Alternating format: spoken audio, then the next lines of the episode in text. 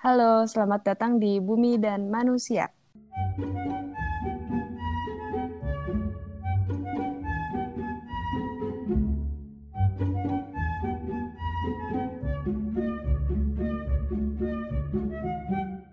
Halo, ketemu lagi di podcast Bumi dan Manusia. Uh, dalam episode kali ini um, kita sebenarnya melanjut dalam ke dari episode sebelumnya. Jadi sebelumnya kita ngebahas tentang sedikit tentang kota berkelanjutan dengan problematikanya.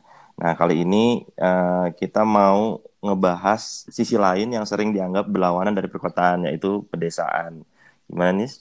Ya uh, sebenarnya kan perkotaan dan pedesaan tuh kayak uh, dianggap tuh kayak mata uang yang berlainan pada koin yang sama lah gitu uh, sebenarnya butuh mengenal keduanya gitu untuk memahami uh, si konsep keberlanjutan yang kemarin kita omongin di uh, ngobrolin sustainable city gitu. Nah, sebenarnya bener nggak sih kota dan desa itu sesuatu yang berlawanan atau sebenarnya itu saling melengkapi?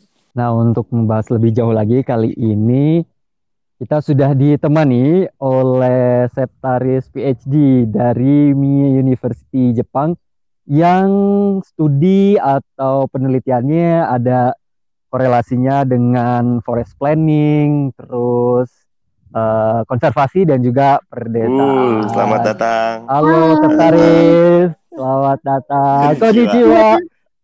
Aduh, gue so, so bahasa Jepang banget cuma bisa itu doang. Ohayo gozaimasu. Oh, ayo ya. Di sana jam berapa sih? 9.43 ya? Iya, 9.43. Oh, iya, Septa ini langsung dari Jepang kita paksa ya. Di ini import apa bahasa?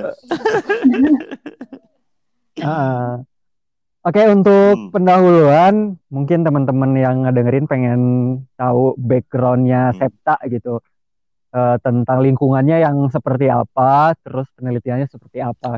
Oke, okay, uh, eh, selamat pagi semua. Nama saya Septaris Bernadetta Parhusip atau biasa dipanggil Septa. Kalau di Jepang saya dipanggil Sepa sih karena uh, susah ya buat orang Jepang.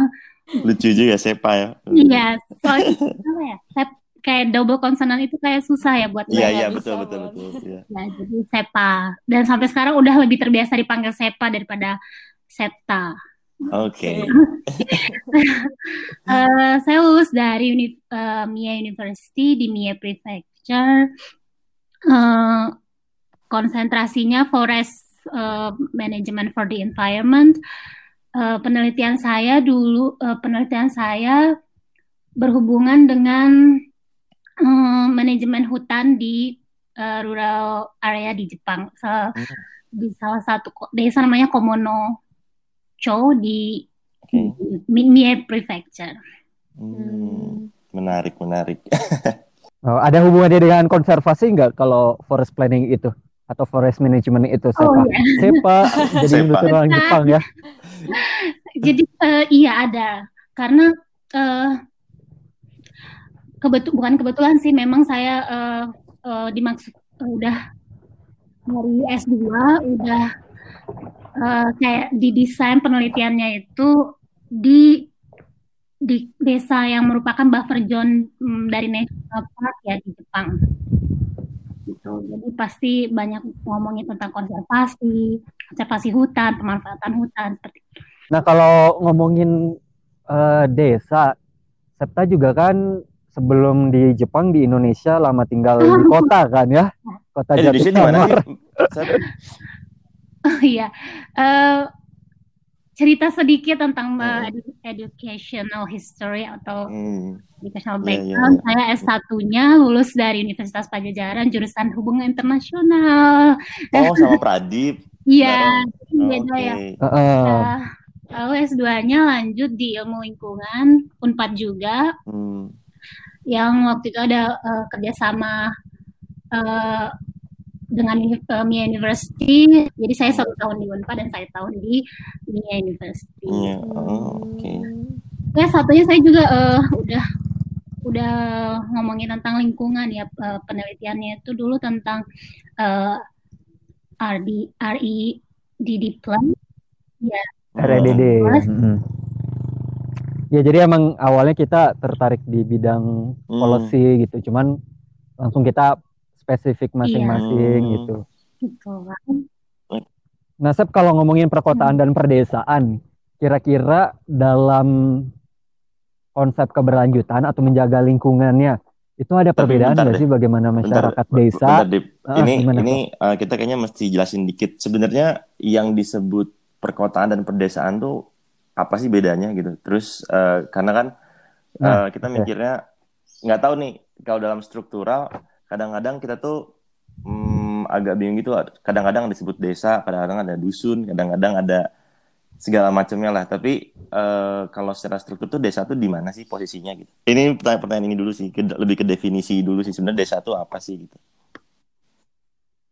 Yang gitu. membedakan dengan perkotaan gitu ya. Kira-kira uh, apa nih uh, kalau di Indonesia mungkin kita bisa lihat dari struktural ya. Kalau desa mm -hmm. itu lebih ke uh, ke kabupaten ya ke daerah kabupaten. Jadi pembangunannya oh, okay. uh, fokusnya ya di kabupaten. Uh, kalau hmm. kota itu kan dia lebih kayak um, punya apa ya lebih kayak independen gitu ya punya kota gitu.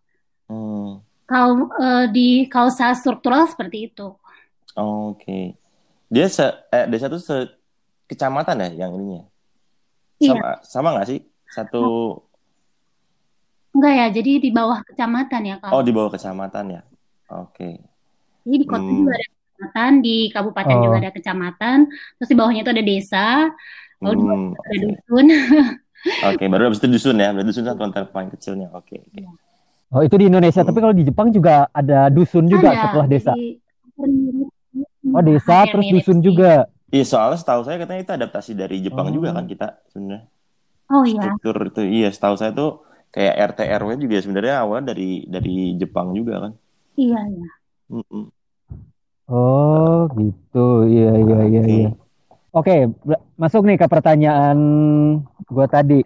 Kira-kira ada nggak dari pengamatan sepak langsung gitu masyarakat di perkotaan di perdesaan hmm. dalam menjaga lingkungannya? Apa bener nggak sih masyarakat desa itu emang lebih sustainable misalkan gitu? Um kalau ngomongin sustainable kita ngomongin lebih banyak ya kayak ekonomi, hmm. uh, lingkungan, sama sosial gitu ya. Hmm.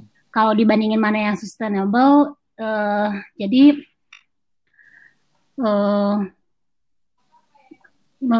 beda jadi beda apa ya beda tolak ukurnya di desa sama di kota kan ya karena kalau hmm. di desa itu uh, masyarakatnya lebih memiliki ketergantungan terhadap lingkungan daripada di kota. Hmm. Karena interaksinya langsung sama. Iya, interaksinya langsung sama itu ya. Hmm. Uh, yang sementara itu, tapi dari resource ekonominya lebih tinggi di kota ya kan. Ya misalnya hmm. uh, kalau misalnya kita ngomong kesejahteraan enggak sih ya. Jadi kalau misalnya secara uh, yang bisa diukur nih masalah uang gitu ya kalau ekonomi. Hmm.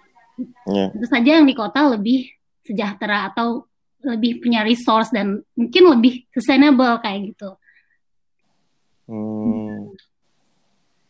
Oh. Karena ya ditolak ukurnya ya pakai ya misalkan kayak dari World Bank tingkat kesejahteraan tuh apa dua dolar misalkan sementara di desa ya dia nggak punya dua dolar tapi ngerasa sejahtera ya apakah itu masih bisa masuk sejahtera atau enggak mungkin itu juga jadi iya. pertanyaan yeah tentang iya, kesejahteraan iya, gitu ya. Uh, mungkin kalau kita mau ngelihat mana yang lebih sustainable lebih kayak kalau kita bandingkan desa satu dengan desa yang lain gitu. Tapi kalau oh. bandingkan ke desa nggak oh, benar biar apple to gitu. apple ya. Hmm, tapi kalau tapi... ada satu tolak ukur misalnya sustainable uh, hmm. dia lebih sustain secara lingkungan yang mana atau dia lebih sustain secara hmm. ekonomi yang mana mungkin kita bisa bandingkan desa dan kota kayak gitu. Hmm. Oke, tapi menarik juga sih tadi uh, Mbak Seta kan bilang uh, sebenarnya kalau secara dari sumber daya itu kota lebih uh, mumpuni daripada di desa ya, Mbak. Iya, kalau. Nah, kalau gitu. Nah, bukannya nggak ini ya? Kayak misalnya kalau di desa kan kalau secara sumber ini kita ngomongin sumber daya alamnya ya kalau misalnya kita ini hmm. uh, lahan kan sebenarnya lebih masih lebih apa ya ibaratnya masih lebih mungkin lebih lebih luas di desa dibanding dibanding di kota. Apalagi sekarang kan kalau kita ngomongin pedesaan kan identik dengan yang namanya pertanian. Hmm. Terus biasanya tuh uh, lebih ke justru sumber-sumber bahan-bahan pokok itu ada di desa semua. Terus kemudian nanti biasanya akan dikirim ke perkotaan. Jadi kayak kalau misalnya dari sumber daya memang uh, yang di sumber daya lebih lebih besar dari, daripada pedesaan itu yang mana ya, Mbak? Supaya lebih jelas. Oh, uh, tadi saya hmm. langsung pokoknya langsung ke ini ya uang ya. Mm-hmm. Oh, oke. Okay. Ya, saya ke uang gitu. Kan di desa hmm. di kota itu kan resource resource-nya lebih banyak. Kalau hmm. secara resource ekonomi itu mungkin di desa kayaknya lebih banyak ya. Tapi uh, sebenarnya uh, nanti kita mungkin nanti kan bahas ya mengenai masalah hmm. Uh, interaksi perpindahan sumber daya alam. Misalnya siapa yang mendukung siapa, siapa yang tergantung. Hmm. Itu mungkin okay. dibahas. Cuman uh, ada kayak like di sini uh, sebenarnya masyarakat kota itu bisa hidup loh tanpa orang desa sebenarnya karena oh, mereka punya uang gitu. Ya, oh, gitu. mungkin kalau kita lihat seperti di, di Jepang ya misalnya, yang hmm. aja contohnya di Jepang. Uh, Tokyo itu benar-benar orang-orangnya orang-orang kaya sebenarnya walaupun ya mungkin standar kesejahteraannya mungkin bisa beda-beda ya kita ngelihatnya. Yeah. Hmm. Mereka tuh punya uang. Kalau eh, uang itu yang paling cepat bisa kita hitung sebenarnya uang ya. Mereka tuh yeah. punya uang. Sementara orang di desa itu enggak, enggak punya uang. Terus kita lihat alamnya Jepang itu kan mereka sangat tergantung sama negara lain sebenarnya ya. Iya, yeah, iya. Yeah. Jadi hmm. sebenarnya orang Tokyo itu bisa hidup dengan ekspor impor gitu. Mereka nggak hmm. Terlalu butuh yang namanya uh, nas apa support dari lopangan lokal gitu ya. ya beras dari desa atau support dari desa. Itu nggak seperti yang kita nama saya nggak seperti yang kita idealnya yang kita pikirkan kayak gitu. Mereka bisa oh. Seperti yang kita tahu di Indonesia tuh kan kita masih di topang secara besar-besaran dari desa. Maksudnya desa iya, itu kan iya, agraris ya. Hmm.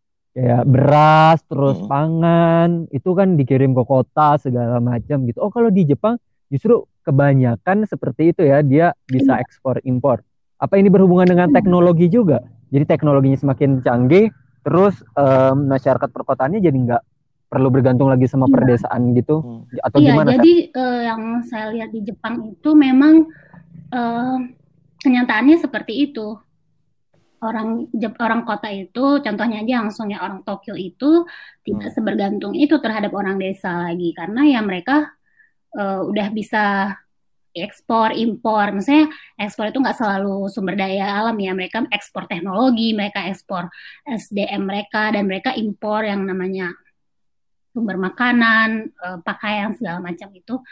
Dan mereka udah bisa gitu itu uh, berarti skupnya hmm. perkotaan tuh bisa ekspor impor gitu ya iya oh, oke okay.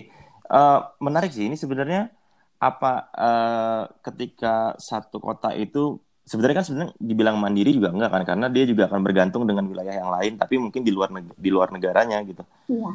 Ya kurang lebih gitu kan ya. Iya. Uh, ini tuh sebenarnya pemicunya karena apa ya? Apa karena memang misalnya Jepang itu misalnya di, di kota di Jepang itu memang atau kekurangan kekurangan daerah pedesaannya atau kekurangan lahannya atau memang uh, ada dasarnya kenapa mereka harus ekspor impor dibanding mereka harus uh, apa ya namanya tadi berga, bergantung antara desa dengan de, dengan kota secara ini. Oh ya, ya. Uh, ya itu tadi ya. Jadi hmm. emang Jepang itu kita lihat lahannya, misalnya sumber daya alamnya tidak terus tidak hmm. ya ya mereka nggak sekaya kita misalnya. Uh, kalaupun harus uh, misalnya uh, se setahun mereka cuma bisa panen sekali kan ya Nah, oh, okay. nah kalau di Indonesia kita bisa sampai tiga kali, kalau di Jepang mm -hmm. cuma bisa sekali. Dan, mm. uh, dan sumber daya alamnya itu tidak uh, sangat bergantung pada musim, sangat bergantung pada bencana. Hmm. Kayak kita. Oh iya ya, benar karena Jepang itu uh, prone banget sama tsunami, terus ada empat musim yeah. juga ya. Ekstrim sekali. Hmm. Nah kalau kayak gitu, uh, tapi kalau kayak gitu berarti peran pedesaan di Jepang sendiri nggak terlalu begitu signifikan dong dalam menunjang kebutuhan masyarakat perkotaan. Atau justru untuk perkotaan ya mungkin nggak, tapi untuk lingkungannya sendiri apa e, peran perdesaan itu justru difokusin ke untuk lingkungan gitu, untuk misalkan konservasi, iya, buffer zone. Jadi lebih gitu. ke situ sih ya, karena memang uh, kalau kita bicara histori, memang mereka udah melakukan yang namanya ekstraksi itu dari zaman dulu ya, ekstraksi. Iya, iya. Hmm. iya. Kayak ngomong di kehutanan Jepang itu memang eh, mereka udah ekstraksi besar-besaran di hutan, Iya. lalu sampai hutannya gundul semua, Hmm. mereka melakukan reboisasi dan perubahan besar-besaran yang namanya nilai eh, budaya. Hmm. Jadi orang-orang Jepang itu udah nggak mau lagi yang namanya nebang hutan. Hmm. Hmm. Dan saat orang-orang nggak mau nebang hutan lagi atau tidak mau memanfaatkan hutan lagi, hutannya itu justru apa ya kalau justru jadi rusak gitu ya. Justru mereka butuh ditebang sebenarnya. Oh, Oke. Eh, di situlah orang-orang desa itu justru butuh dari eh, butuh support dari de, dari kota sebenarnya. Kalau yang sekarang ya eh, kebutuhan eh, mas permasalahan di desa itu eh, yaitu urbanisasi, tidak ada sumber daya alam, tidak ada teknologi, tidak ada uang, saya tidak ada sumber uang. Dan yang satu lagi alamnya itu udah butuh di apa ya? Di treatment. Ya di treatment. Kalau menambah Hmm. Oh harus ada intervensi dari ya, manusia jadi kota gitu ya? sangat ini eh, kemarin merupakan salah satu penelitian saya sih Hmm. membandingkan eh, manajemen hutan di Indonesia dan di Jepang. Jadi kalau Jepang. Hmm. itu masyarakat hutan atau masyarakat desa di sekitar hutan itu lebih tergantung ke hutan. Eh, justru pemerintah itu berupaya untuk eh, pemberdayaan masyarakat sehingga masyarakat lebih mandiri dan tidak tergantung ke hutan ya. Hmm. hmm. Justru Itu di mana? kenapa? Di, Indonesia. Itu di Indonesia. Jepang, Ya, itu itu di di Jepang atau di Indonesia. Indo? Kalau di Oh, iya, Jepang heeh, justru terus? eh, masyarakat hutan itu atau masyarakat di sekitar hutan itu sudah semakin sedikit, sudah tinggal yang sepuh-sepuhnya, Hmm, Oke, iya. Hmm. yang muda-mudanya udah Oh. semua balik ke Ke kota. udah pergi semua ke kota, Hmm. the hutannya sudah nggak hutannya harus dipanen atau harus ditebang, tapi mereka nggak bisa nebang karena nggak ada Tenaga. Hmm. dan nggak ada teknologi, yang jadinya banyak eh, bencana ya. Hmm. Oh. Tapi- Ih, gua gua Iya, merinding iya, tau bener. denger ya. Karena bertolak belakang, bukan bertolak belakang. Jadi seolah-olah emang Indonesia tuh mau ke arah kayak Jepang. Iya nggak sih? Karena misal kalau kita lihat di Indonesia tuh kan urbanisasi masih marak lah ya. Terus ya perkotaan masih dianggap standar kehidupan yang layak Hmm. gitu. Terus masyarakat eh, umur yang produktif eh, mudanya itu dari desa pindah ke kota gitu. Dan ini mungkin bisa yang bisa jadi kita eh, penuh dengan eh, persoalan baru seperti yang ada di Jepang karena yang masyarakat di desanya di Jepang itu yang muda-mudanya udah nggak ada Iya, tinggal yang sepuh-sepuh kan. Berarti ada perubahan mindset. Apa ini ada hubungannya sama eh, modernisasi dan urbanisasi juga nggak yang narik orang-orang muda supaya balik ke kota gitu untuk kehidupan yang Iya, layak. jadi ya memang orang desa, orang-orang mudanya itu sudah tidak tertarik sama yang namanya pertanian eh, atau kehutanan Hmm. berhubungan dengan sumber daya alam gitu. Mereka udah lebih eh, nge- ngelihat peluang lebih besar di kota karena kan di kota itu lebih apa ya, lebih kon, lebih eh, convenient, lebih nyaman, lebih, semua ada gitu, nggak seperti di desa. Aku ngelihatnya tuh kayak Hmm. sebenarnya eh, masyarakat Jepang tuh lebih ke apa ya bisa dibilang agak money oriented nggak sih Mbak? Kayak karena eh, kayak teman-teman aku juga waktu aku S2 gitu kan. Kayak mereka ya orientasinya Tokyo gitu. Maksudnya kayak ya mencari pekerjaan yang bagus tuh ya di kota gitu. Maksudnya jarang banget cuma satu dua orang dari bahkan ini dari fakultas environmental studies gitu. Kayak cuma satu dua orang yang akhirnya balik ke kampungnya dan ngabdi itu tuh pun kayak anomali banget gitu. Hmm. Kayak uh, mindsetnya tuh ya ya udah cari duit gitu kan, cari penghidupan yang layak tuh di kota besar ya, either Tokyo, Osaka gitu sih. Iya nggak sih Mbak? Iya, jadi memang benar seperti itu sih, karena di desa memang tidak ada yang harus dilakukan gitu kan, karena memang sumber daya alamnya ya mungkin ada, cuman karena rendahnya teknologi dan akses kayak gitu, justru lebih mahal untuk eh, sumber daya alam di desa itu lebih mahal daripada kita impor gitu. Oh, Kalau oke misalnya oke. contohnya Oh soalnya, Iya. ya maksudnya nggak tahu juga sih apa karena Jepang itu se se perfeksionis itu ya soal teknologi. Soalnya kayak buah aja gitu mbak. Aku lihat di sana tuh kayak mereka se perfeksionis itu kan ada stroberi jadi putih, terus ada eh, semangka jadi kotak gitu. Apa karena mereka eh, sepengen bagus itu gitu, terus akhirnya jadi lebih mahal gitu di Jepang? Apa kalau di dari luar kan mereka tinggal select the best one gitu loh? Apa Oh, gimana ya? enggak sih, emang secara alam nggak mendukung untuk mem- untuk itu gitu. Jadi mereka harus Hmm. effort lebih besar untuk membuat satu se- strawberry gitu. Bahkan Hmm. biasa aja gitu. Mereka harus lebih effort lebih besar daripada eh, impor gitu. Hmm. Jadi kalau kita ke supermarket itu di Jepang suka lihat kayak buah yang "Ih, gila ini mahalnya luar biasa gitu. Iya iya iya Hmm, iya. iya. hmm, iya. Itu Buah tuh benar-benar mahal banget kalau di Jepang gitu. Itu benar-benar buah Jepang gitu dan mereka effort Hmm. besar buat itu. Jadi kayak misalnya saya tuh suka sushi ya. Hmm. Di Tokyo mah eh, misalnya saya suka eh, jadi di Mie itu ada Toba nama tempatnya salah satu Hmm. national park juga yang sushinya itu enak banget. Jadi mereka Hmm. Setiap hari eh, kirim sushi itu ke apa sih nama yang di Tokyo nama fish marketnya itu yang ter Ah, Tsukiji. Iya, ke Tsukiji Market dan itu selalu di high rank gitu. Jadi di yang paling mahal gitu.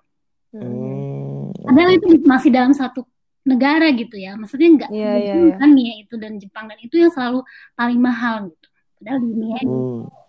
ya mungkin kita bisa makan nggak terlalu semahal itu. Oh, Oke. Hmm. Sama sama ini menarik. Hmm. Eh, tadi saya sempat dengar kalau misalnya di hut- di Jepang itu sebenarnya hutannya itu justru butuh butuh ditebang, sedangkan kalau di sini kan eh, beda ya, butuh butuh, Iya. butuh Dijaga ya. ya. Jadi sebenarnya secara fungsi hutannya nih, Mbak, Iya. kita melihat kalau hutan tuh sebenarnya ternyata nggak bisa sealamiah itu ya. Mereka tuh grow growth sendiri atau segala macam. Makanya harus ada treatment kalau di Jepang segala macam. Itu gimana ya ceritanya? Atau karena Jepang hutan reboisasi, reboisasi. atau karena Iya, Jepang bukan reboisasi? Kemarin juga saya sempat ditanya sih sama profesor, aduh, pas satu penelitian S2 ya itu. Kenapa? Oke oke. Kenapa mereka sampai segitu jadi bermasalah sih? Kenapa nggak dibiarin aja sih hutannya? Mm, mm, mm, mm, gitu. Nanti tumbuh nanti jadi hutan alam, jadi kayak Iya iya. rimba Betul. lagi gitu, jadi lebih bagus. Mm. Sebenarnya enggak, karena hutan di Jepang itu kan hutannya udah dipotong nih ya, udah Betul. Hmm. Udah habis. untuk mereka Hmm. tanam lagi itu lebih ke monokultur ya. Monokultur, iya. Hmm. Dan itu kalau nggak di apa sih namanya di trim Mm, ya kalau nggak dijaga misalnya dipotong itu nanti mm. justru ngerusak lingkungannya jadi jelek gitu bukan ngerusak lingkungan sih jadi eh, kualitasnya itu jelek gitu soalnya Maksudnya kualitas eh, ini maksudnya kalau pohon di Jepang tuh kan eh, ininya apa sih? Jenis pohonnya rata-rata kalau misalnya ini? sekarang hutan ke- kebanyakan kan hutannya monokultur ya hutan second Mm-mm. sekunder sih kebanyakan. Udah Hmm, hutan alamnya ya oke hutan alam itu memang nggak akan di nggak akan diganggu gugat sih mereka. Cuman kan tinggal sedikit itu maksudnya tinggal eh, sedikit gitu yang mereka fokus sekarang itu lebih ke hutan produksinya gitu. Kalau kita kan lebih masih lebih banyak hutan alamnya itu masih banyak resource ya di situ ya kalau mereka hmm, jadi resource yang mereka fokusnya itu di hutan produksi sebenarnya kayak sugi apa ya Japan hmm. ya Cyprus ya? Eh, ya apa sih? terus sama hinoki Hmm. eh, sama yang lain ini yang dua ini sih yang paling yang paling utama ya sugi hinoki terus ada yang kayak sakura terus Hmm. Hmm. Kayak di Nara ya, Mbak? Oh itu lokal. Iya, ja- jadi itu sebenarnya kalau kalau kalau di Jepang di trim itu atau misalnya dipotong itu sebenarnya karena tadi dasarnya hutan tersebut hutan produksi ya Mbak. Iya. Jadi itu sih menjaga kualitas sebenarnya ya. Jatuhnya bu- bukan karena ini. Oh, Oh iya gitu. iya iya, iya juga bisa kayak gitu kalau misalnya. kalau em, Oh, kalau teman-teman pernah nonton film Totoro nggak? Iya, Totoro Iya, tahu. Ya, Iya, jadi iya, seperti iya, itu Totoro. sih sebenarnya landscape perdesaan di di Jepang itu tipikal Hmm. Hmm. hutan-hutan. Terus saya mau nanya kalau dari sisi ini kan Jepang kan tetap dasarnya sebenarnya eh, beras ya Mbak. Nasi itu jadi komoditas Iya. eh, utamanya mereka juga untuk untuk makan. Nah, ada jadi kayak kalau tadi Mbak Septa bilang tuh kenapa anak muda lebih pengen ke kota daripada ke desa. Sama saya pendengar informasi katanya kalau petani Jepang itu kan lebih sejahtera dibanding petani di Indonesia kata ceritanya nih. Hmm. Nah, apakah itu juga nggak nggak memicu para anak-anak muda ini juga untuk bisa uh, minimal tadi kita ngomongin tentang tentang komoditas beras gitu hmm. atau uh, pertanian uh, padi dan segala macam. Hmm. Itu nggak memicu anak muda juga untuk mau pulang ke Indonesia mengembangkan teknologi dan segala macam eh ke Indonesia misalnya ke ke Jepang dan mengembangkan desanya gitu ke desanya nah, gitu ya karena di main beras betul, itu justru betul. ya besar karena ya makan orang beras, Jepang tetap gitu. makan beras nah. gitu makan nasi kan jadi kenapa nggak dianggap sebagai iya, opportunity iya, iya. gitu sama nah. masyarakat iya, mudanya Iya satu tadi itu ya karena kondisi alamnya nggak semua tanah bisa dijadikan beras okay. mereka butuh banyak uh, uang sebagai butuh banyak resource untuk membangun satu Oh, costnya lebih besar mungkin ya. Pertanian seperti itu. Hmm. Terus yang kedua uh, perkembangan culture ya orang muda itu udah sebenarnya bukan hanya di Jepang di semua tempat itu kayak aduh jadi harus balik ke, hmm. ke itu sih ke tempat yang panas harus panas-panasan harus gitu mereka lebih wow aku harus pakai jas. Harus pakai jas kerjanya di kantoran nggak harus kena matahari gitu gitu itu semuanya sebenarnya kayaknya sama ya di semua orang kecuali orang-orang yang benar-benar punya passion ke bidang pertanian kayak gitu. Mereka mungkin balik ke de, ke desa untuk dan itu sedikit ya mbak? Itu sedikit iya. Uh, jadi ad, oh. kayaknya ada ada yang aneh ya berarti dengan mindset yang modernisasi. Jadi seolah-olah kalau kita ngomongin modernisasi itu berarti pusatnya adalah perkotaan gitu ya. Padahal hmm. sebenarnya pertanian pun di desa bisa jadi modernisasi kan. Memodernisasi pertanian itu sebenarnya juga mungkin juga kan ya. Iya. Intensifikasi pengembangan teknologi hmm. di desa dan segala macam gitu. Jadi kayak seolah-olah saya merasa kayak desa ini justru adalah uh, dianggap tidak modern. Ya. Iya, dianggap tidak modern, terbelakang hmm. segala macam. Padahal sebenarnya seharusnya makanya kemarin tuh saya sempat bilang juga di waktu kita ngomong kita berkelanjutan mungkin nggak sih kita mengembangkan apa yang namanya kita nggak ngomongin kota tapi daerah itu uh, rootnya dasarnya itu dari justru potensi daerahnya terus budayanya dan segala jadi kita nggak perlu kalau kita ngomong kita berkelanjutan misalnya uh, ibaratnya kita mengembangkan suatu desa gitu kita tidak tidak uh, mengadopsi plek-plekan tuh bahasa Indonesia-nya apa ya? Iya plek-plekan secara Cara total, total gitu, gitu ya. uh, kota berkelanjutan ini ayo kita adopsi ke desa. Jadi sebenarnya tuh kita dari bottom up juga harus muncul. Misalnya ini potensinya kayak gini. Terus uh, pengelolaan sumber daya alamnya itu begini dan segala macam akhirnya dia akan ngedevelop sebagai desa itu sendiri gitu. Dari sisi ekonominya dari sisi budayanya gitu. Jadi nggak harus ada konsep baru di dalam situ gitu. Tinggal bagaimana aja pemerintah memperkuat hmm. apa yang udah ada di desa itu gitu. Hmm Gitu nggak sih? Uh, nah nih, uh, ya ini sekalian nambah juga nih, Sep ya, pertanyaannya. Wah banyak banget nih pertanyaan buat Sep Taris ya, maaf. ya karena jadi ingat, jadi emang ada keluarga gua yang uh, berprofesi sebagai petani ya, jadi emang punya tanah, terus diolah sendiri. Nah, waktu itu emang keluarga gua, nenek-nenek gua tuh pindah ke Bandung.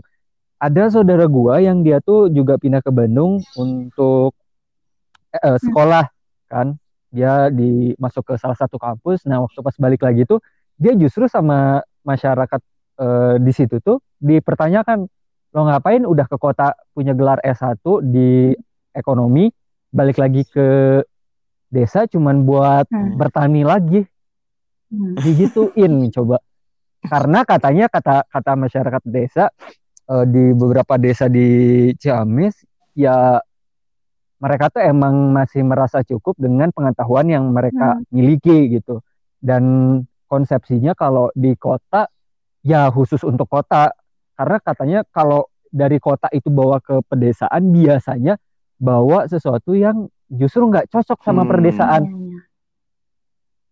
gitu jadi kayak lebih apa ya lebih um, invasif ke desanya gitu bukan justru memberdayakan hmm. masyarakat desanya tapi justru uh, invasi Jadi kayak gitu. ngerusak ya. Nah, sebenarnya peran pemerintah uh, uh, nah, sebenarnya peran pemerintah sendiri kalau di Jepang sampai sejauh mana sih supaya anak mudanya justru balik lagi ke desa untuk hmm. memberdayakan gitu, Sep. Karena kayak ini berarti sadar kan orang-orang Jepang tuh desa itu justru butuh sumber daya manusia untuk diberdayakan kan ya? Iya, memang uh, itu salah hmm. satu permasalahan di desa ya di desa di kota. Jadi beda kasus seperti yang tadi, seperti yang di Ciamis itu itu lebih kayak ke apa ya? Jadi kayak ke alienisasi. Padahal kan dia dari sebeda hmm. ya tadinya ya. Cuma yeah. dia, karena dia udah pergi hmm. dan dia balik lagi. Uh, itu sebenarnya kalau saya nggak kalau nggak salah ingat ya, waktu S2 juga dulu pernah dibahas mengenai masuknya atau alienisasi orang-orang kota. Hmm. Hmm. Hanya lulusan seperti dia, tapi juga seperti peneliti-peneliti yang masuk ke desa yang hmm. menurut orang desa itu eh, nggak uh, cocok sama mereka gitu. Jadi hmm. balik lagi ke pendekatan si orang itu, gimana dia bukan sebagai seorang guru, tapi dia itu emang seperti orang desa aja, cuman dia memiliki hmm uh, modal yang lebih, kemampuan yang lebih uh, untuk bisa mendukung si desanya yang udah ada gitu. Jadi tidak mengubah secara total, memang oh, bawah gitu, seperti itu kita iya, iya. bareng-bareng bisa apa saya ini gitu. Kalau misalnya seperti itu pendekatannya mungkin orang desa nggak akan se uh, se hmm, gitu bener, ya se melakukan alienisasi yang seperti itu ya. Nah hmm. di Jepang yeah. sendiri pemerintahnya itu udah melakukan banyak pendekatan juga ke orang-orang eh, orang-orang mudanya itu untuk balik lagi ke Jepang. Salah satunya itu ya, ya maksudnya ke desa, ya, maksudnya. Ke, ke desa ya. Salah satunya hmm. itu kayak hmm, pembangunan wisata ya kebanyakan ya. Pembangunan wisata terus hmm.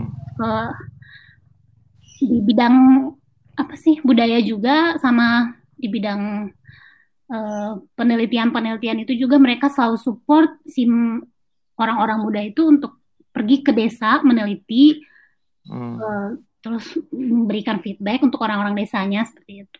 Kayak saya sendiri, saya bukan orang Jepang sih ya, tapi pas, hmm. pas saya ke desa melakukan penelitian itu mereka welcome sekali, mereka kasih data, walaupun awalnya itu bahasa Jepang semua ya, saya nggak tahu. Yeah.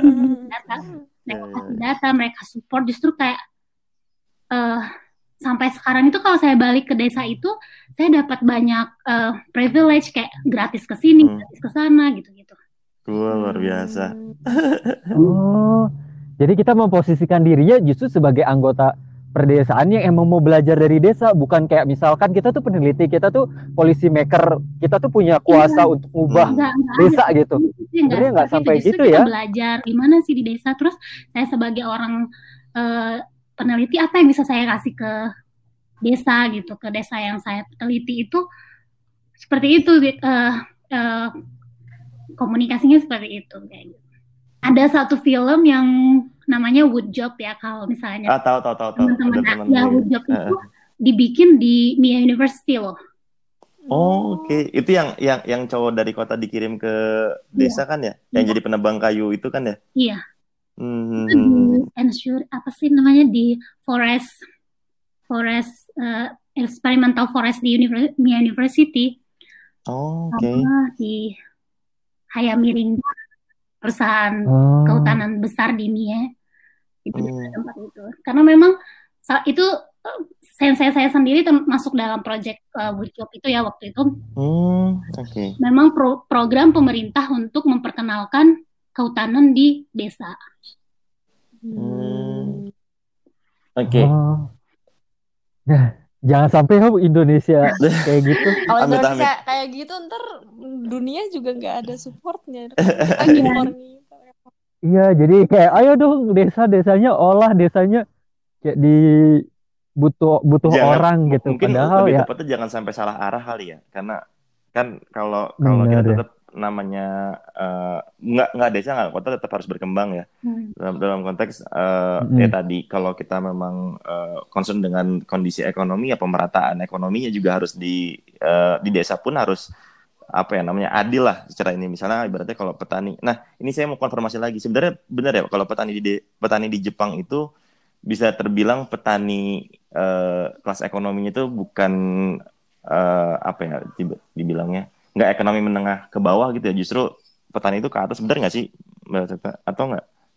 Kalau kita bandingkan dengan petani Indonesia, iya mungkin ya mereka lebih berduit. Hmm, tapi kalau dari sisi di, di Jepangnya secara keseluruhan, eh, petani itu menempati kelas ekonomi yang mana, Mbak? Uh, menengah. Sama. Sama aja menengah ke bawah. Ya menengah sama aja berarti ya, ya menengah sama ke bawah. aja sih. Jadi status sosial orang yang kerja di kota dengan uh, salaryman ya maksudnya atau kerja sebagai engineer hmm. uh, di manajemen uh, di satu perusahaan itu lebih daripada yang cuma petani gitu. Oh, tetap ya, berarti sama ya. Itu kan ada juga orang yang tidak punya bukan petani ya, justru punya perusahaan gitu, perusahaan hmm. ras gitu. Jadi mereka hmm. dari awal gitu sampai penjualan mereka yang mereka yang hmm. bentuknya dalam nah kalau yang kayak gitu oh. mungkin lebih kaya ya maksudnya lebih menengah ke yeah, yeah, yeah. orang itu dan kebanyakan yang seperti itu sih daripada yang uh, berskala-skala kecil itu sudah nggak ada sudah sedikit gitu oh jadi sekarang oh. lebih sekarang lebih lebih besar maksudnya tidak apa ya maksudnya kalau di Indonesia kan misalnya buruh tani lah gitu oh, iya. ibaratnya kita desa terus nah, jadi itu dia uh, ya hmm. sendiri segala macam terus kemudian tapi ada ada si apa disebutnya ya landlordnya gitu ya, hmm. pemilik lahan. Pemilik lahan gitu di, ya. Kalau di Jepang tuh yeah. dia memang punya lahan sendiri, yeah. Iya. uh, bangun sendiri, olah sendiri dan jual sendiri gitu ya. Iya, kebanyakan seperti itu di per, di, hmm. di kehutanan juga seperti itu. Jadi mereka dari awal sampai pen, dari ya dari harvesting sampai ke penjualan hmm. mereka manajemen sendiri. Oh. Oh, jadi emang nggak di Jepang nggak di Indonesia sebetulnya kalau buruh taninya yang petani buruh tani ya dinilainya menengah ke bawah, tapi yang pemilik modal yeah. ini kan berarti kalau ngomongin pemilik modal ngomongin yeah. urusan agraria, yeah. kepemilikan tanah, kepemilikan hmm. aset. Nah, sementara yang punya modal itu mempekerjakan petani yang lain dia mungkin nggak bisa disebut petani tapi lebih bisa yeah, disebut yeah. bisnismen. Hmm. Iya, sementara yang nyangkulnya atau yang nanamnya atau sampai yang manennya itu sebenarnya itu yang sebetul-betulnya petani kan ya. Hmm. Bisa aja misalkan kayak uh, gue misalkan hmm. punya duit banyak terus uh, beli hmm. lahan di yeah, desa yeah, terus yeah. gue suruh orang-orang petani untuk gitu ya gue bisa disebut petani hmm. enggak enggak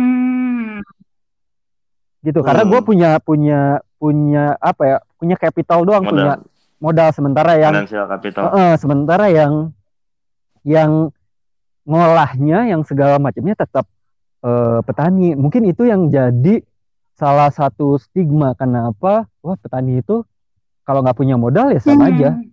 Ya mungkin kalau kita ngebandingin petani Indonesia dan petani Jepang ya bedanya di situ ya. Kalau di Jepang itu dia petani, memang dia yang punya modal, dia yang punya hmm. lahan, dia juga punya uh, keterampilan sama pengetahuan yang cukup untuk menjadi seorang petani gitu. Beda sama di, di Beda sama Tetap. di Indonesia ya. Kalau di Indonesia itu ada yang namanya bu. Oh. Iya.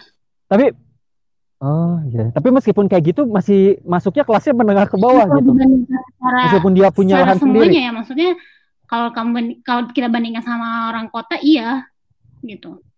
Kecuali kalau dia yang oh. uh, besar-besaran kayak uh, kalau di kehutanan itu ada namanya hayami, hayami hmm. gitu atau hayami ringo. Dia itu yang uh, yang memiliki banyak uh, hutan besar gitu ya di Jepang. Ya dia nggak nggak dibilang menengah ke bawah. Dia tuh benar-benar kaya gitu. Dia nggak oh jadi emang bergantung skalanya. gitu ya. Tapi kebanyakan petani di sana ya, ya emang punya lahan sendiri. Tapi menarik juga nih kalau hmm. kita ngomongin skala tadi. Itu kayak tadi apa nama? Hayami. Hayami Ringo iya. Ah, ah, Hayami Ringo itu dia memiliki lahan dia emang lahannya dia pada da pada awalnya atau dia juga uh, invest di beberapa daerah uh, yang intinya punya geografi yang sama misalnya tadi hmm. ada hutan di lokasi A ada hutan juga di lokasi B yang yang dia kelola gitu Oh, kalau Hayami Ringo kebetulan dia memang punya dahan lahan lahan hutan satu lahan itu besar sekali ya. Oh, jadi emang karena gift aja itu karena memang lahannya kebetulan luas. Iya. Terus dia punya ini tapi tidak tidak. Jadi kan kalau kalau saya pikir misalnya contoh kalau di Indonesia saya punya lahan di Jawa misalnya. Terus hmm. kemudian karena saya emang dasarnya orang orang Jawa, terus akhirnya kan lahan hmm. saya memang misalnya agak agak luas ya. Kalau ini uh, ini saya baca kayak gini ya. Uh, hmm. Saya punya lahan di Jawa, terus kemudian terus saya invest lagi di Kalimantan misalnya. jadi oh, enggak iya. gitu juga Oh, nggak menutup kemungkinan sih seperti itu. Jadi ya memang seperti kata Pradit tadi ya dia sebagai bisnismen juga, sebagai petani juga kayak gitu. Hmm. Dia memang uh, resource-nya awalnya banyak di Mie itu hmm. ya.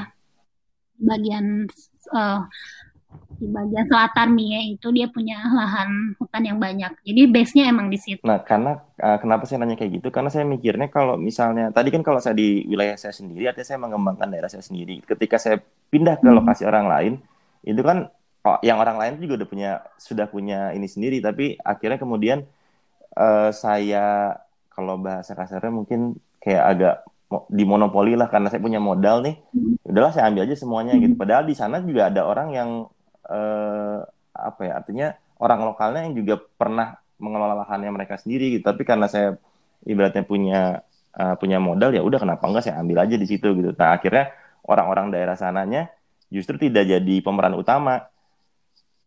Iya gitu, ya. Jadi kayak ya mungkin ada sesuatu seperti itu juga sih ya. Hmm, gitu juga ya. Hmm. Oke oke. Karena yang saya mikir kayak gitu sih. Ya, maksudnya kalau di Indonesia itu kan kita lebih ke berebut sumber daya alam ya. Betul. Saya kita kalau kita tuh kayak rebutan gitu ya. Kalau di Jepang itu justru kalau bisa kasih maksudnya udah deh. Oh, olah aja kelola kelola gitu ya olah olah olah. Oh gitu ya. aduh ini mah harus pindah ke Jepang. Peluang iya, bisnis. karena kalau misalnya kamu mampu ya silakan gitu. Karena memang uh, di di kehutanan ya di industri kehutanan di Jepang itu uh, kebanyakan orang-orangnya tuh udah nggak mampu untuk me mengelola. hutan hmm. masing. Nah itu jadi masalah karena hmm. uh, orang dan gini ya kalau misalnya di di di Jepang itu memang kalau kita punya hutan harusnya kita punya pengetahuan mengenai kehutanan Betul. gitu ya. Hmm. Seperti itu mindsetnya. Jadi karena orang mudanya udah nggak ada, terus mereka nggak bisa kasih ke anaknya gitu, nggak bisa kasih ke pengetahuannya itu ke yang lebih muda. Hmm. Jadinya nggak mengolah hutannya. Nah, datanglah orang-orang asing seperti NGO hmm. atau peneliti hmm. berusaha untuk gimana nih supaya hutan ini masih tetap bisa dimanfaatkan gitu ya. hmm. ya beberapa memang nggak ya seperti di Indonesia tadi lagi mungkin balik ya hmm. mereka tuh nggak open sama orang-orang luar oh. gitu. Ada kasus-kasus yang seperti itu yang bikin jadi hutannya semakin uh, ya semakin tidak terurus kayak Oh karena dilematis juga mau meneruskan ke anaknya, anaknya nggak mau iya. ngelola hutan. Terus ada dari luar mau datang kayak NGO atau peneliti, dia nggak mau, dia pengennya ke anaknya karena ya misalkan dia udah tinggal turun temurun di situ ya masa harus ilmu pengetahuannya dikasihin ke iya, orang iya. asing gitu kan ya? Iya, kayak gitu. Oh. Kita nggak mau ber- Ini krusial ya kalau dilihat-lihat. Tapi ternyata di kalau saya dengar ceritanya dari uh, Mbak Ceta ini nggak sewah itu juga ya. Mereka juga punya dinamika mereka sendiri ya, karena mungkin uh, hmm. basis permasalahannya kan kalau saya lihat akarnya itu ada di kurangnya generasi regenerasi ya Artinya hmm. kan, uh, tadi kan kalau komposisi di Jepang itu kan yang tua lebih banyak daripada yang mudanya gitu kan. Hmm. Uh, jadi karena tadi nggak ketidakadaan sumber daya manusia dan segala macam akhirnya itu menimbulkan satu masalah pertama terus kedua juga apa namanya orang yang sudah adanya juga susah untuk mengolah si lahannya mereka sendiri gitu kan karena apa karena umur dan segala macam ya untuk ini tapi kalau di Indonesia kan eh, tad, eh, eh, tadi juga tuh kata Mbak Septa kalau di Jepang tuh nggak rebutan lahan karena ya udah urus aja urus urus gitu. Karena tadi mereka nggak basisnya nggak punya nggak punya sumber daya yang cukup sumber daya yang cukup. Kalau di Indonesia kan karena populasinya begitu besar ya membludak. Iya. jadi kayak orang akhirnya rebutan kan karena lahan yang ya terbatas karena kita kepulauan itu mungkin terbatas akhirnya orang rebutan untuk ngerebut uh, ini lahan ya. Jadi memang dinamikanya iya. memang memang beda ya. Iya, iya benar-benar hmm derajat berbeda ya. Iya. Uh, ya berarti elemen penting interaksi perdesaan itu dan kehutanan karena ya perdesaan pasti identiknya dengan kehutanan iya. apalagi kita ngomongin konservasi atau hmm. forest planning ya. Kalau di perkotaan mungkin hutan kota ya cuman aksesoris hmm. dalam tanda kutip lah ya. Uh, tapi kalau di Jepang sendiri ada nggak sih upaya dari masyarakat kotanya yang mereka tuh sadar oh kita tuh masyarakat kota perlu nih balik lagi ke hmm. desa karena kalau kayak gitu kan seolah-olah desanya yang yang e, minta balik nih. Nah sementara dari masyarakat kotanya dia kayak emang beneran udah ngerasa tidak bergantung lagi sama perdesaan atau gimana ada gerakan gak sih di sana dari masyarakat kota yang emang balik lagi ke desa yuk gitu. Hmm, ada ya misalnya walaupun nggak besar tapi tren itu ada ya maksudnya hmm. beberapa orang juga merasa terpanggil. Teman-teman saya juga ada yang dari Tokyo, mereka jenuh sama kehidupan di Tokyo yang walaupun sebenarnya nyaman, tapi um, nggak memberikan mereka kebahagiaan yang mereka inginkan gitu ya. Jadi mereka balik ke desa, di desa mereka justru memiliki justru lebih banyak kegiatan yang ya walaupun nggak se dihargai semahal di Tokyo, tapi buat mereka cukup dan mereka lebih suka seperti itu ada. Hmm. Uh, lebih fulfilling mungkin iya. ya. Dan biasanya mereka itu ya gitu balik ke uh, ke kegiatan-kegiatan yang fungsinya yang be, yang tujuannya itu uh, menaikkan atau mempromosikan si desa sama sumber-sumber daya yang produk produk-produk desa itu. Biasanya kayak gitu kerjaannya. Hmm. Iya. Jadi misalnya uh, kemarin saya baru balik lagi sih ke Mia ya, mm -hmm. minggu lalu baru balik ke Mia. Uh, ditawarin sama orang yang kerja di uh, provinsi gitu ya, apa ya? PNS gitu ya, kerja di provinsi ya PNS ya namanya. Di dinas di Mia itu ditawarin untuk nulis di blog mereka ten, um, tentang pengalaman-pengalaman saya selama di Mia gitu yang fungsinya ya cuma untuk men, men, menaikkan mempromosikan produk-produk di Mie. Misalnya saya makan sushi di sini enak kayak gitu-gitu aja gitu. Sesederhana itu untuk naikin uh, untuk ngajak orang kota ayo ke dong ke Mie lagi. Hmm. hmm. Karena mereka butuh uang ya sebenarnya. Mereka butuh orang-orang datang dan beli produk mereka dan mereka bisa pakai uangnya untuk memajukan hmm. negara eh, memajukan area atau wilayah mereka sendiri. Hmm. hmm. Oke, okay. ini ini juga uh, saya ada ada pernah ngobrol dengan dengan teman nih. Uh, kan kalau sekarang di Indonesia itu lagi rame-ramenya ini ini kaitannya sama hubungan antara kota dan desa ya. Kalau uh, sekarang ini kan di Indonesia lagi rame-ramenya urban farming nih mbak. Hmm. Jadi di mana orang uh, orang kota tuh mulai untuk uh, termotivasi untuk memenuhi kebutuhannya sendiri di wilayahnya sendiri gitu. Nah, tapi hmm. juga ternyata ini juga berdampak ke petani lokal yang di desa nih Mbak ceritanya.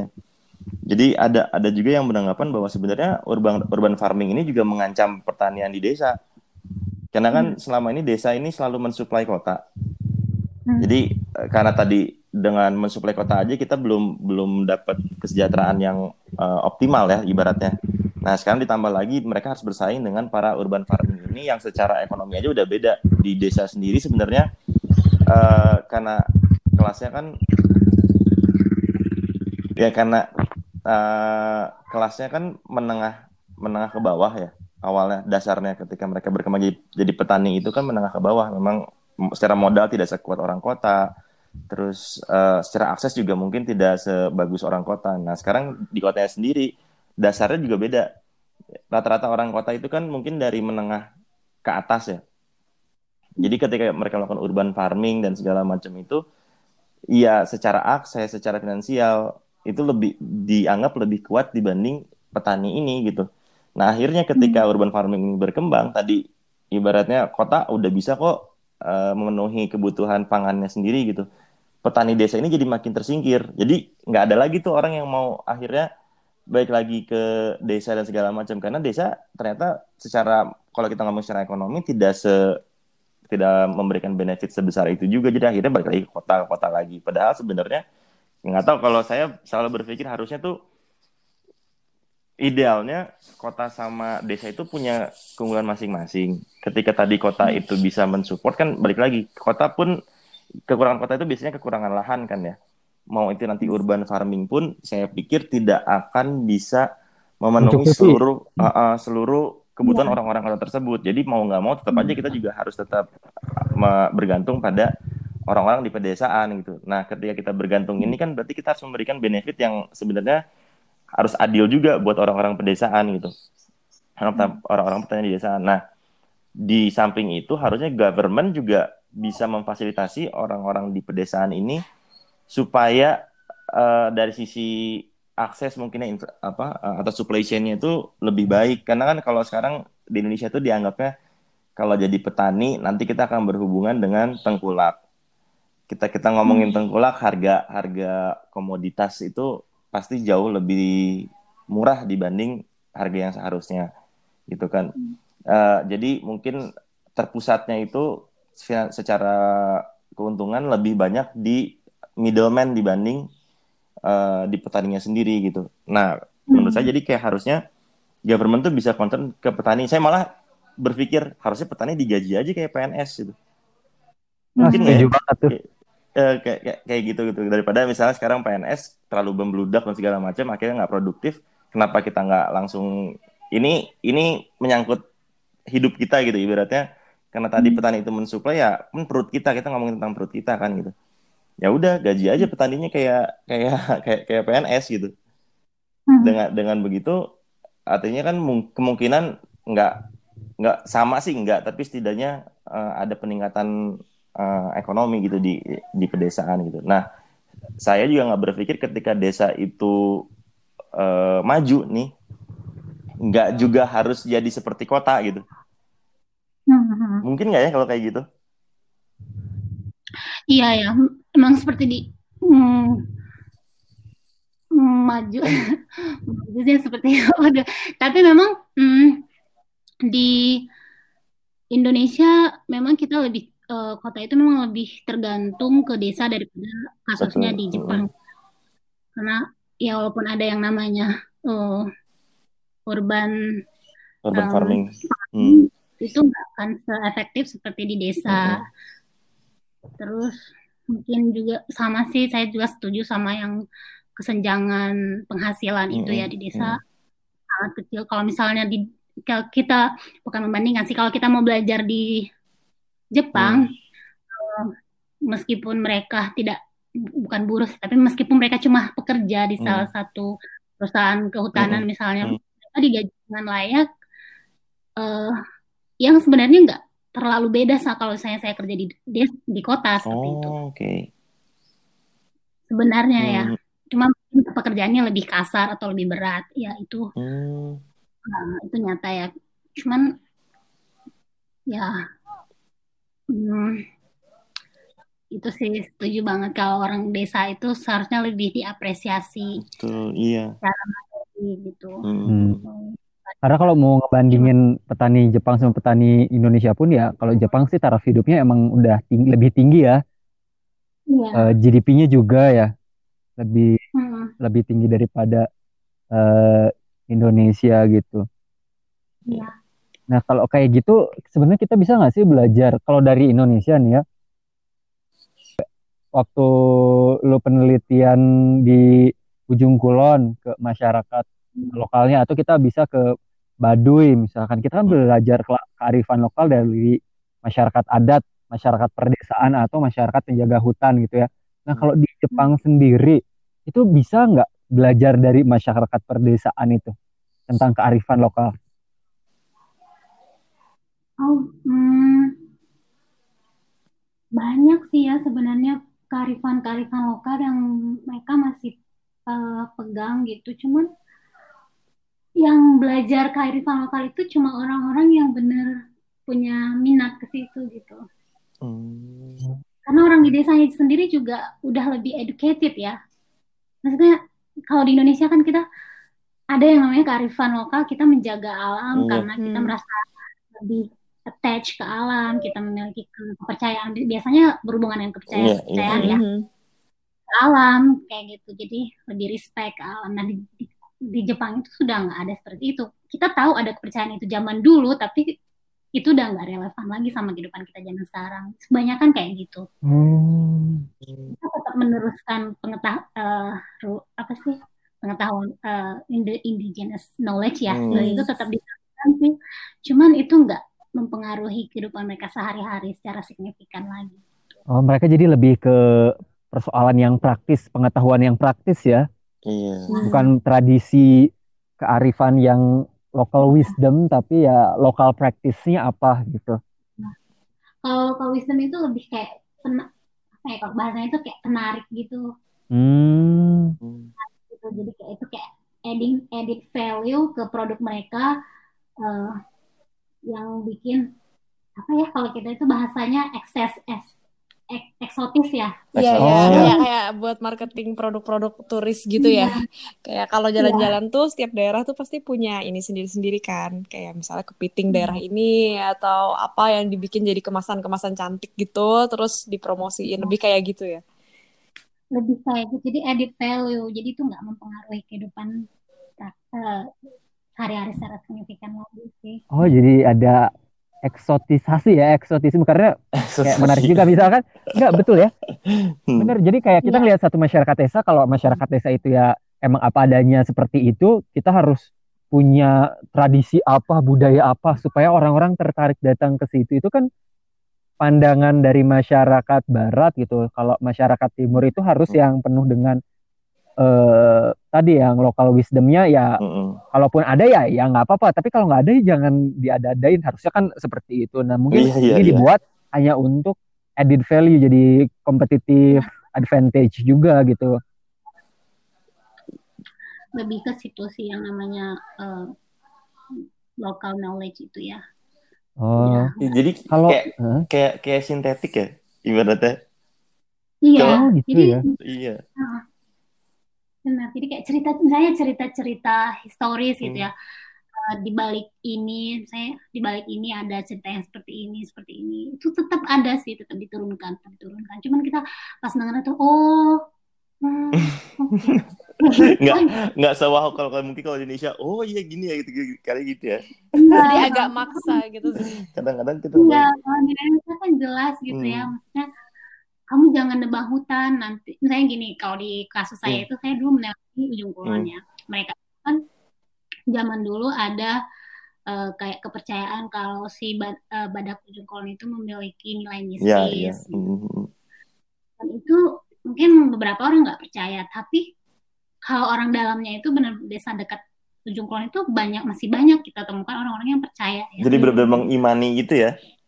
Nah, jadi mereka akan pergi ke daerah apa sih ke core area itu karena mereka percaya di situ ada salah satu ada satu eh, yang bernilai mistis yang bisa menimbulkan jelek ke, ke kehidupan mereka. Kalau mereka sakral ganggu, gitu ya Iya. Ya sakral. Jadi Memang mereka iya. ada di Jadi kayak Hmm. kayak ada soulnya gitu loh. Maksudnya cerita yang kalau nggak tahu saya ngerasanya kalau di Jepang di Jepang tadi kata kata Mbak Sepa Sepa juga kalau di Jepang tuh kayak ada ceritanya tapi kayak kosong. Tapi kalau di Indonesia tuh kita punya cerita tapi kayak ter apa ya kayak ada jiwanya gitu emang ceritanya. emang gitu. organik gitu ya emang Iya, bukan organik. bukan buatan emang kalaupun buatan ya emang semuanya buatan cuman emang udah dari wah kapan tahun gitu ya Iya. emang ceritanya seperti itu oh kita memang masih lihat gitu ada bukti nyata di Iya. oh dia masih gitu. Oke, bagus sih kalau kan kita bisa melihat ada nilai sisi Betul bagusnya, betul ada betul. Hmm.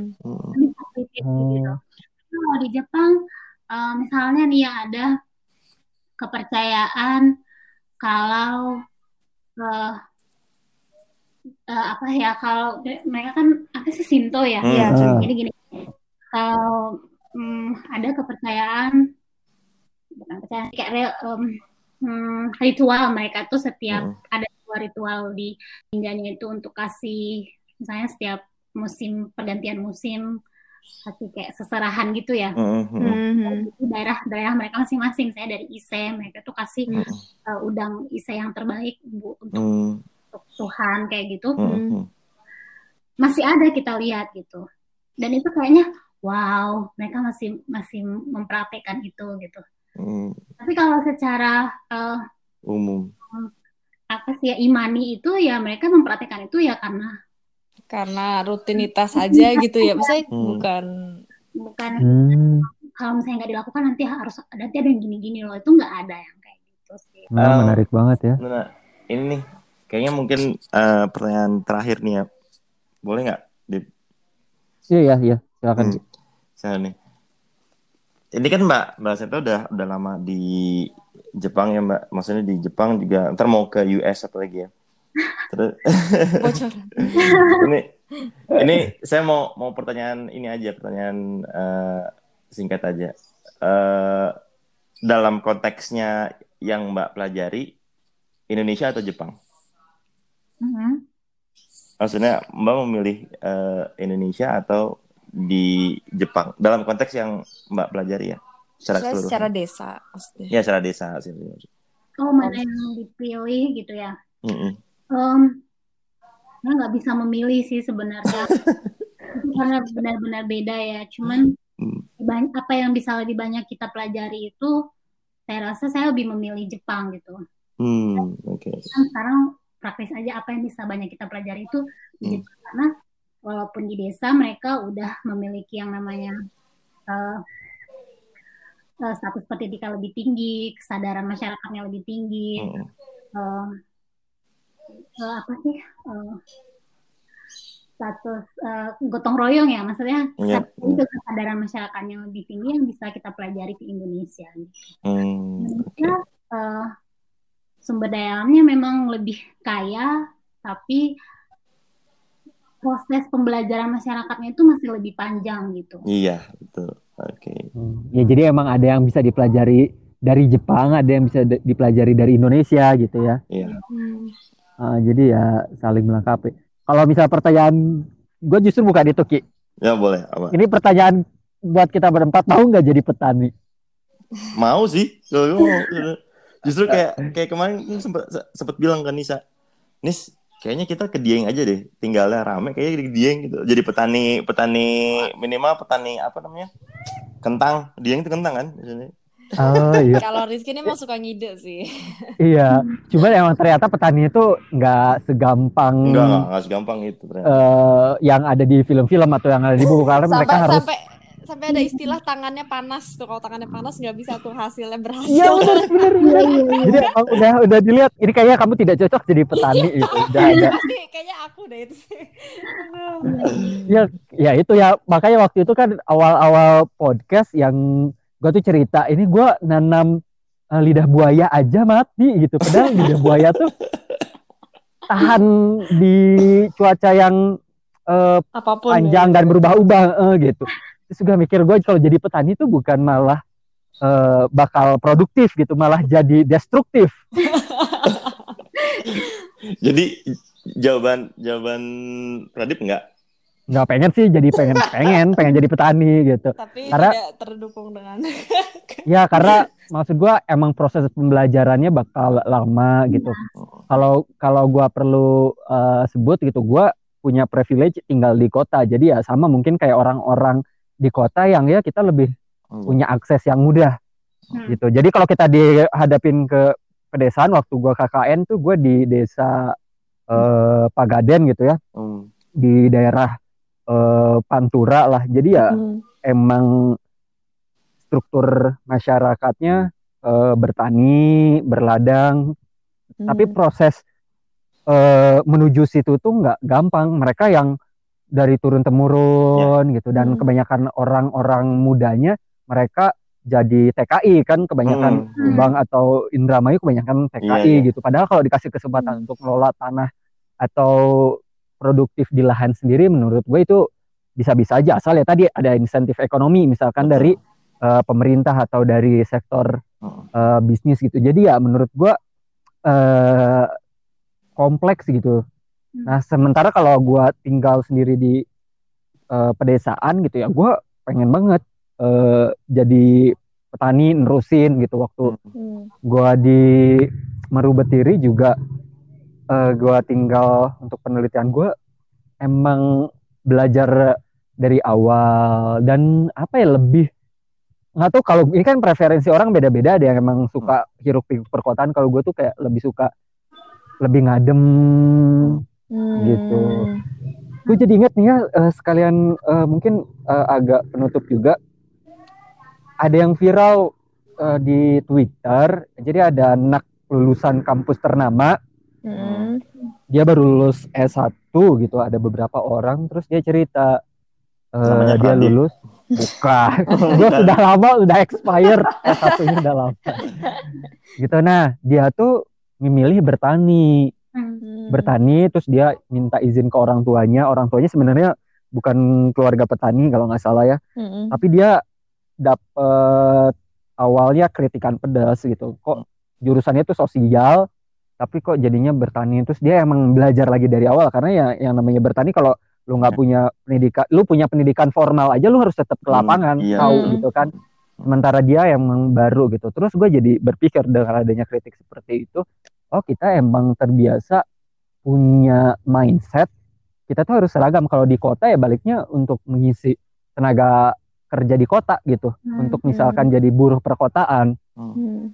gitu bukan misalkan kita kuliah ya emang untuk dapat uh, knowledge yang ada di kampus apa pun itu tapi dibawa ke ke desa diadaptasi terus dikembangin di desa. Dia tuh sampai ngolah lahan sepetak dulu terus belajar uh, bikin pupuk segala macem gitu. Jadi emang harus dari bawah. Gue tuh dulu sempet ya ki setelah gue balik dari Australia hmm. uh, nanya ke temen gue gitu. Aduh gue tuh sebenarnya pengen magang lah gitu oh magang di mana? Dikira di perusahaan apa gitu. Enggak gue pengen magang. Kalau nggak jadi nelayan magang iya, sama petani. Gue nggak apa-apa deh. Nggak hmm. dibayar. Tapi ya hmm. seenggaknya gue kayak bisa makan dan hidup dari itu aja. Terus hmm. gue dikasih tahu adalah oh, ini lu mau ke sini nggak? Tapi lu berat banget gitu. Dalam artian lu tiga bulan tuh kayak nggak akan dapat apa-apa. Ilmu pun lu tiga bulan tuh ya nggak yang palingan tiga tahun. Lo mau nggak tiga tahun? Gitu coba gue gue cerita kan.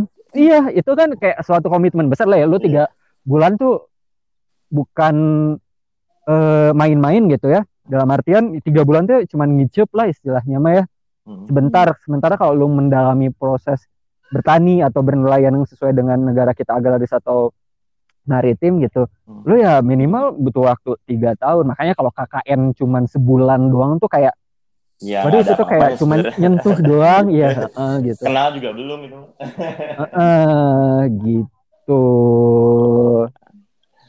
Oke. Okay. Serta ada yang mau uh, ditambahin nggak? Oh, hmm, kalau saya tuh kalau ditanya tadi itu balik lagi ya kalau ditanya jadi petani mungkin hmm. saya uh, akan menjawab enggak karena udah uh, karena itu tadi proses pembelajarannya lebih panjang.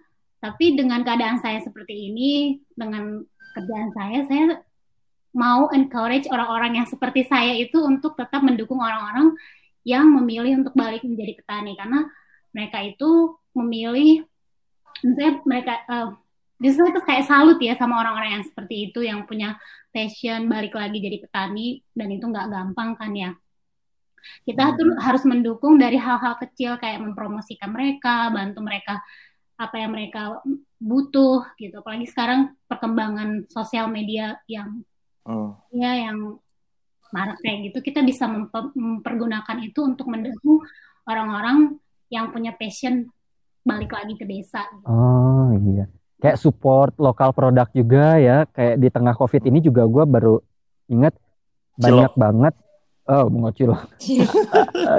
Jadi banyak uh, petani yang dia dibantu sama aktivis-aktivis untuk menjual produknya langsung terus dianterin ke orang yang mesennya tanpa yeah. lewat tengkulak gitu. Jadi harga pasarnya tetap bagus dan mereka untungnya lebih besar itu kan jadi yeah, lebih bagus betul. itu ngedukung langsung ya jadi hmm. memotong jalur distribusi yang hmm. uh, cukup panjang gitu hmm. ya walaupun kita ah, gitu. petaninya langsung paling nggak kita kasih support gitu ya ke yeah, orang yang yang punya passion kayak gitu hmm. Oke. Okay. Oke. Okay. Wow, rame banget sih. Iya, aduh. Nanti setelah kalau diundang lagi jangan bosen ya. Jangan karena, kapok. Uh, jangan kapok karena menurut uh, kami penting banget gitu untuk iya. belajar dari uh, Jepang tentang manajemen perhutanan meskipun konteksnya berbeda tapi kita sengaja tahu apa yang harus kita enggak lakuin gitu. Hmm. Atau apa yang harus kita lakuin bukan hmm. diterapin se uh, secara mentah-mentah tapi kita hmm. diadaptasi lagi gitu pelajaran-pelajaran dari Jepang sekali lagi makasih banyak ya Septa makasih banyak, ya, banyak uh, sukses terus buat karirnya Amin. Yang lain juga sukses kuliah. Iya, amin. Amin doakan bisa menyusul ya. bisa kuliah lagi ya. Oke, makasih banyak ya. Terima kasih.